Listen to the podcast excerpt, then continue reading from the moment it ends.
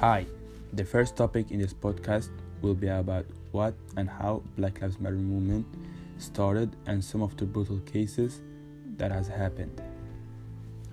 The movement can be tracked back to 2013 after the acquittal of George Zimmerman, who shot and killed Trayvon Martin in Florida.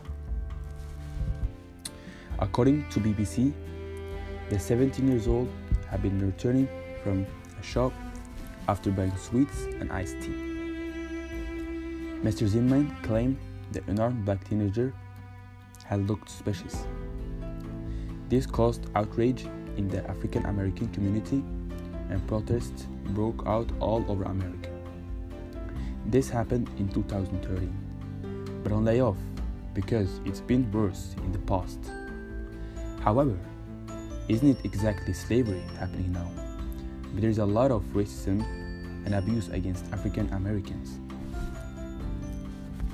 Slavery and hate against Afro Americans has been, have been since the 16th century. At BBC, I read the Black Lives Matter movement was a bit gone for a while until the murder of 46 years old George Floyd. Now, at the moment, we are focusing on the rights for George Floyd and Breonna Taylor. Now, let's move on to the movie The Hate U Give. According to my understanding of the movie, there is a lot of racism and harassment against Black Lives Matter going on.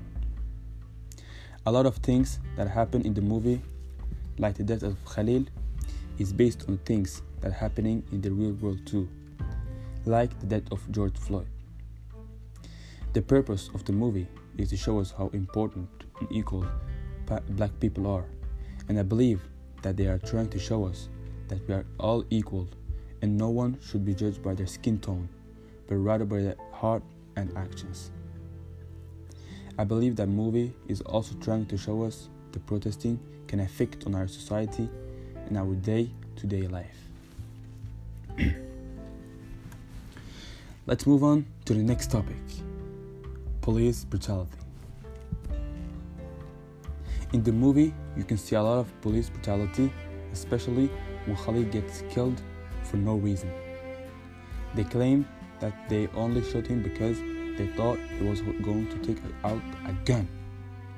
But we all knew inside that there was a bigger meaning and a bigger picture to it there. This is a great example of police brutality in the US. Also, when Starr Dad Maverick was arrested for something that he didn't do. This would not be the case if it was a white man. The police officer who killed Khalil used the same apology similar to every other, other uh, police officer.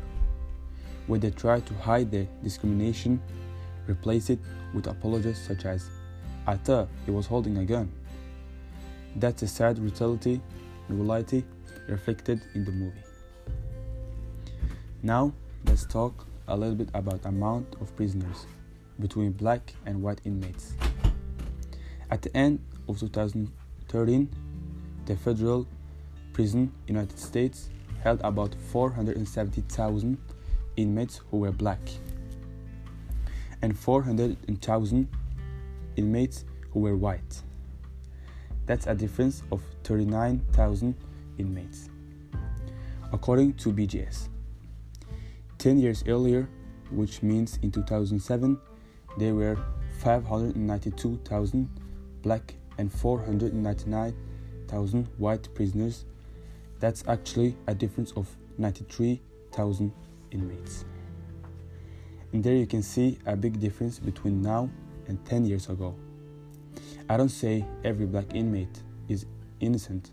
I'm just saying that it's getting more difficult for black American to live in the US in nowadays.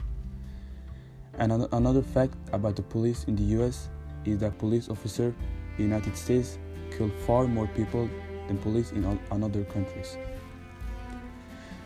And now, last but not least, the conclusion of my podcast. We have talked about the importance of black people and how everyone should be equal. I've also talked about how racism can be an issue for a long time and now and how protesting can help. Protesting peace- peacefully is a way for expressing your emotions without violence and hoping that the government will listen. This can start a new movement, and that is what START did. We have also talked about the different amount of black and white prisoners, and my opinion about why there's more black inmates and than white inmates. Thank you for listening to my podcast.